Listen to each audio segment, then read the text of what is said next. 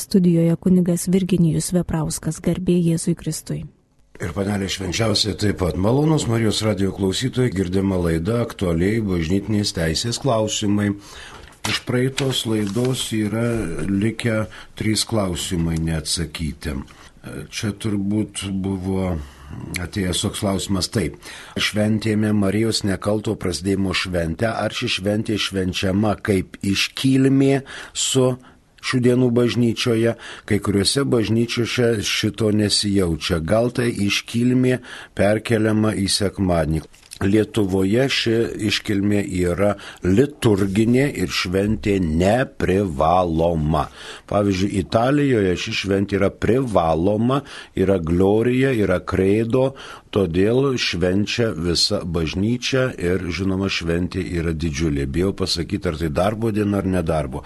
Čia priklauso nuo krašto vyskupų konferencijos sprendimų. Mūsų valstybėje Marijos nekalto prasidėjimo iškilmė nėra privaloma šventė. Dažnai e, šitas nekaltas prasidėjimas painiojamas, tai turiu patikslinti tokį dalyką kad Marija žinoma yra gimusi iš tėvo Jokimo ir žmonos Onos. Tai buvo šių dviejų tėvelių vaikas Marija. Ką reiškia nekaltas prasidėjimas? Nekaltas prasidėjimas reiškia, kad ji nuo pat prasidėjimo momento iš tėvelio ir mamytės buvo apsaugota nuo gimtosios nuodėmės. Mes visi pradėjime ir gimime atsinešame gimtąją nuodėmę. Mes esam pažeisti gimtosios nuodėmės. Šiuo atveju Marija buvo nepažeista ir nepaliesta gimtosios nuodėmės. Dėl to ir sakome, kad tai yra nekaltas prasidėjimas. Dogma pr už praeitame amžiuje patvirtinta XIX amžiuje. Ačiū Petrai iš klausimą. Kitas. Sveiki. Ar meluoju? Jei sakau vaikui, kad yra Kalėdų senelis. Mes visi Dievo vaikai esame. Ir mes visi šimtų procentų tikime, kad yra Kalėdų senelis. Šiandien mums kunigams, pavyzdžiui, Kalėdų senelis perdavė taip pat dovanų per Kauno rajono merą. Mes kunigėliai irgi gavom Kalėdų senelio dovanų jau šiandien. Žinoma, kad Kalėdų senelis yra ir jisai turi būti. Kaip galima įsivaizduoti, kad nėra Kalėdų senelio.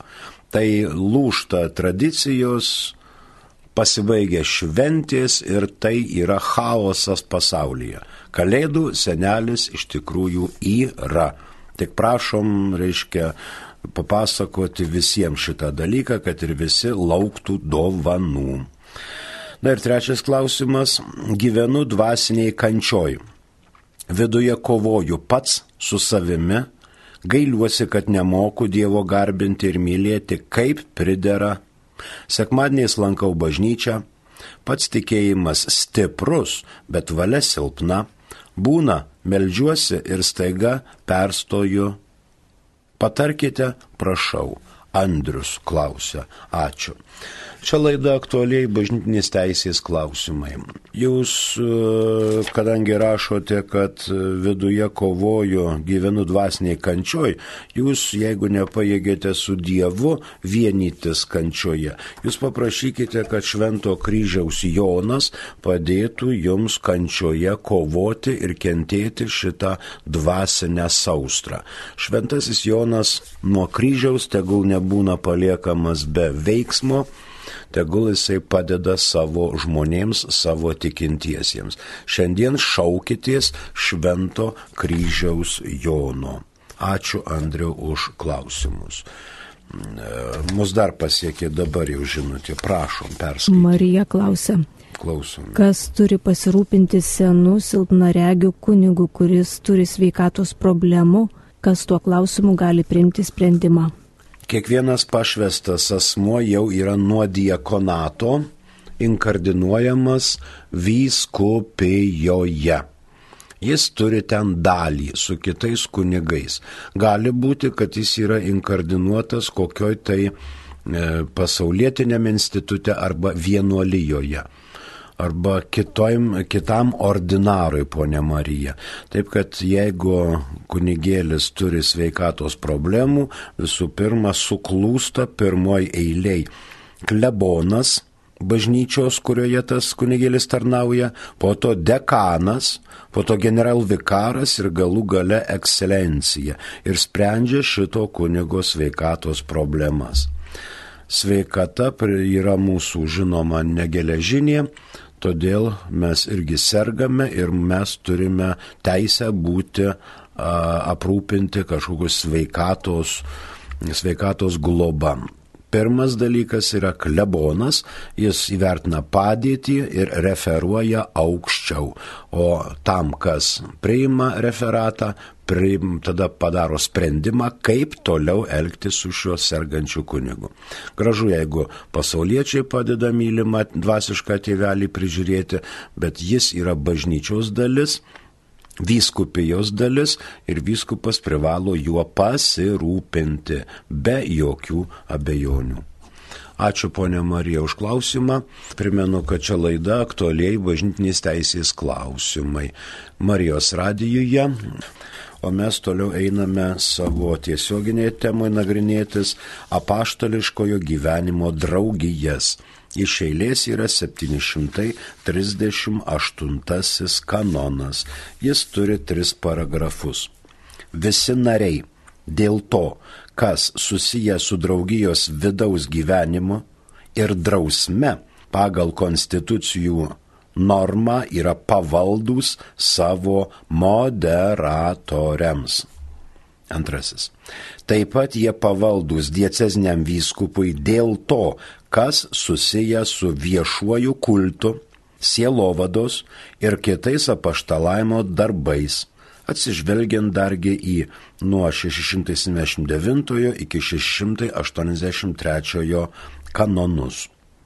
Trečiasis paragrafas - santykius tarp vyskupijoje inkardinuoto nario ir savojo vyskupo nustato konstitucijos arba atskiri susitarimai. Taigi 738. Dabar mes žiūrime, kad pagal 736 pirmąjį paragrafą inkardinuoti žmonės nariai yra vyskupijoje. 736 čia buvo nagrinėtas praeitoje laidoje.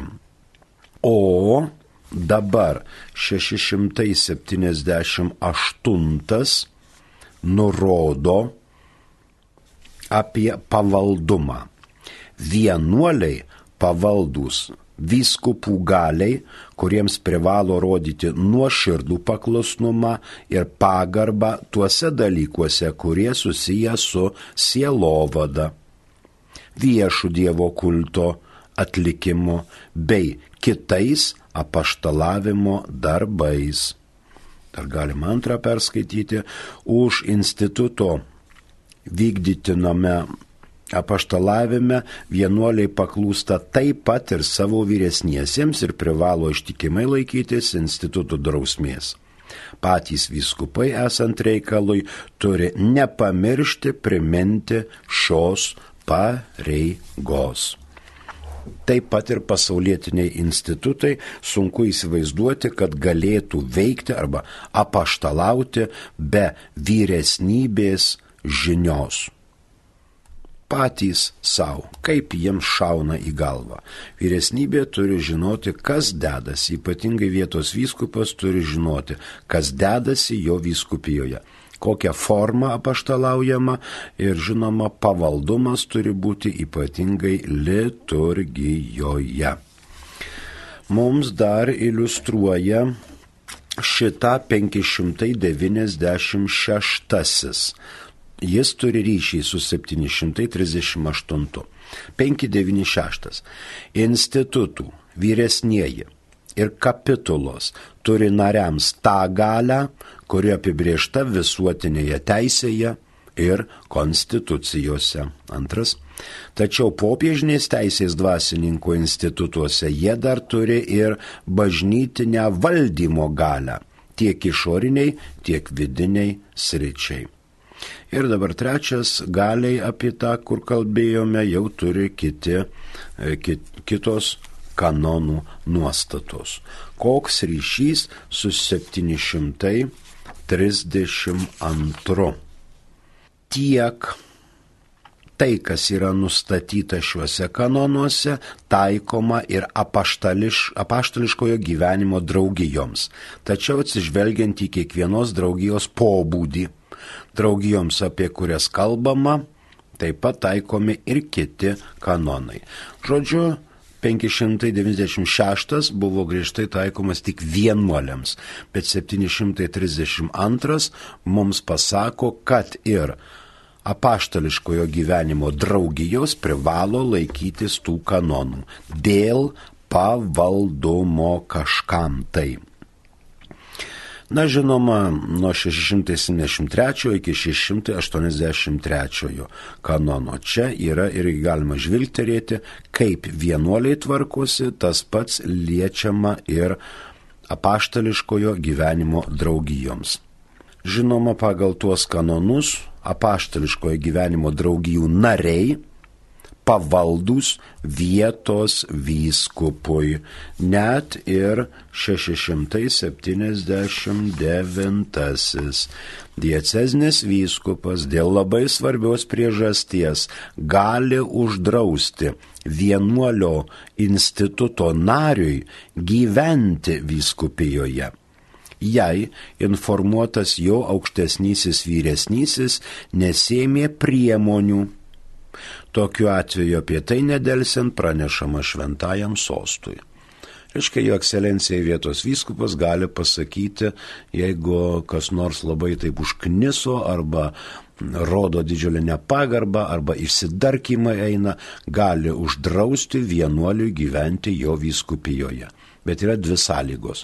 Jeigu vyresnysis su juo jau nebesusitvarko, arba su jie nebesusitvarko ir nėra jokių poslinkių, kad susitvarkys.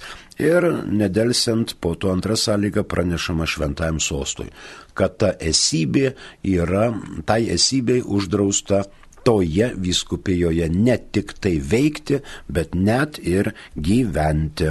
Tas liečia ne tik vienuolynus, bet ir apaštariškojo gyvenimo draugijas. Tarp vietos vyskupo ir vyresniojo geriausiai, kad būtų raštiška sutartis. 681 antra dalis.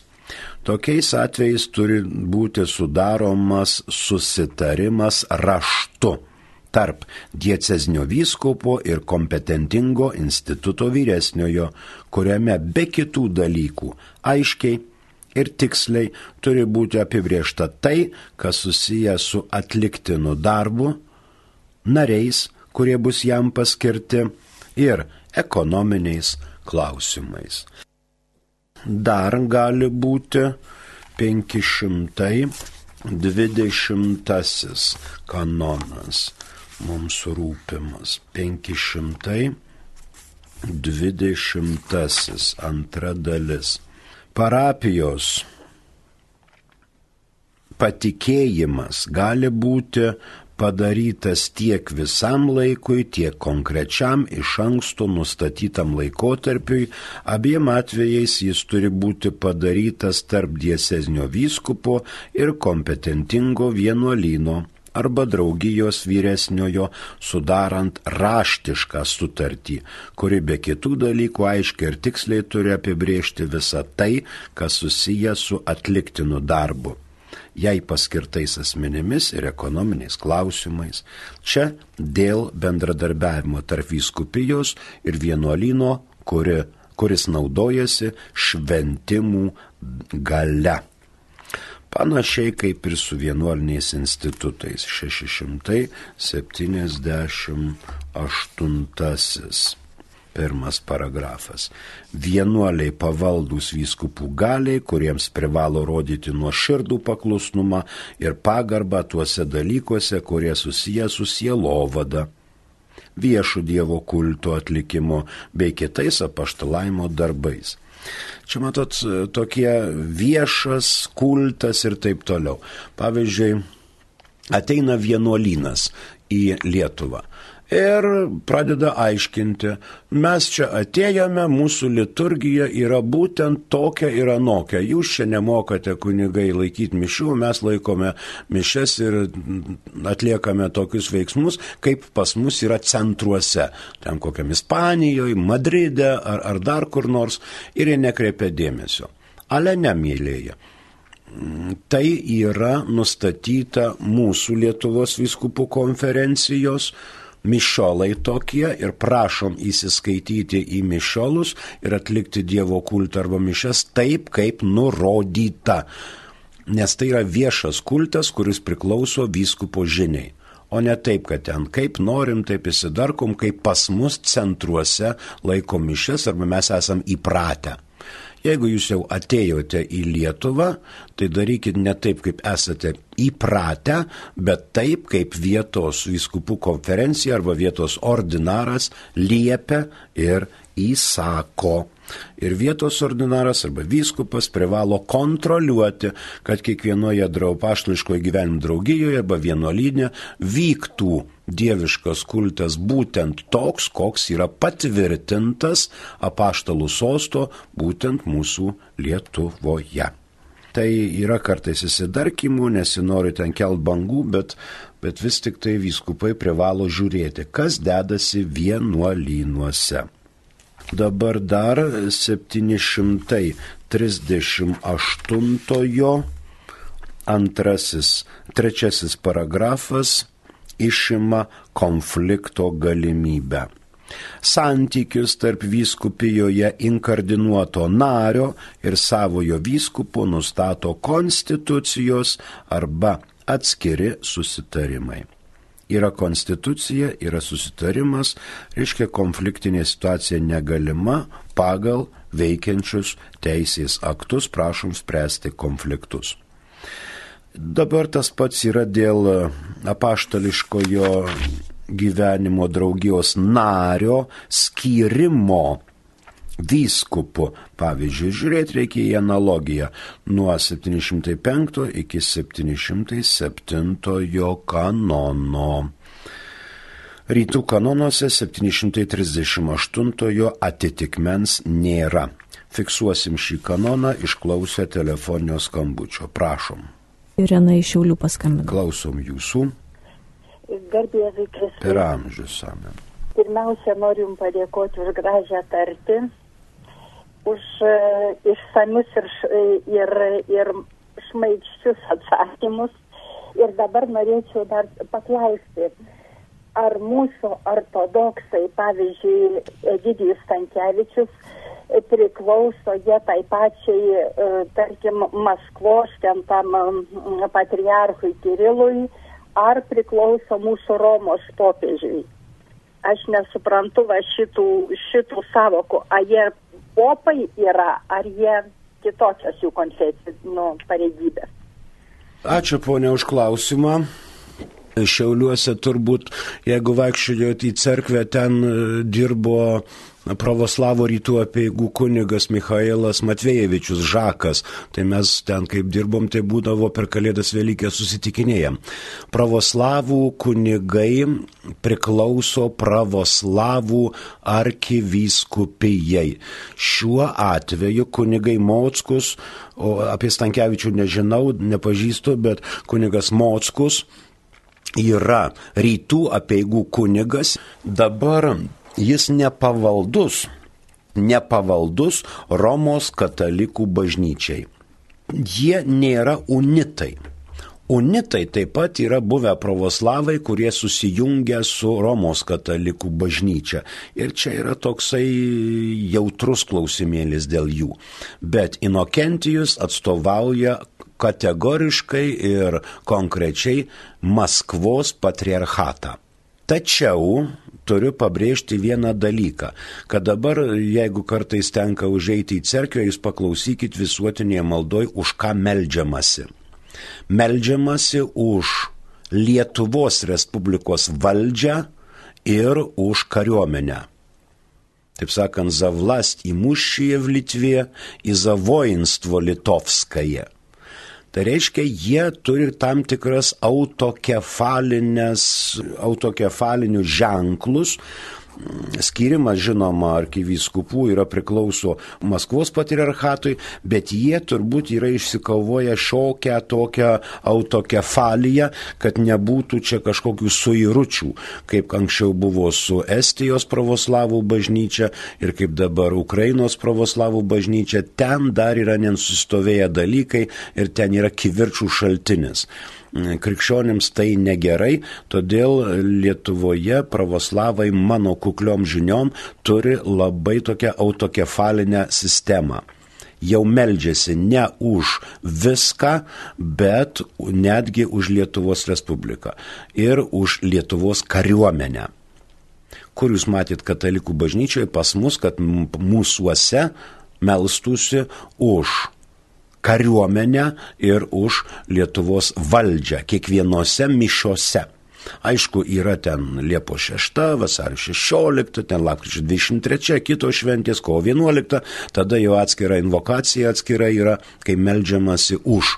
Bet faktiškai pravoslavai labai nuoširdžiai kiekvienose iškilmingose mišiuose melžiasi už tai. Ne tik tai už arkivyskupą Inokentijų, kuris yra Vilniuje reziduoja, bet ir visą pravoslavų bažnyčią, o jau ir už Lietuvos valdžią ir už kariuomenę, už karius, kurie gina šią valstybę. Ačiū, Prondė Irena, tai tokia digresija. E, mus dar pasiekė žinutė, prašom. Trys žinutės pasiekė. Aja. Svetlana Kristina iš Klaipėdos klausė. Taip. Turiu tribunolo sprendimą apie bažnytinės santokos negaliojimą jame neteisingai tai yra nepilnai nurodytas vardas. Ar galiu kreiptis dėl dokumento ištaisimo? Be jokios abejonės.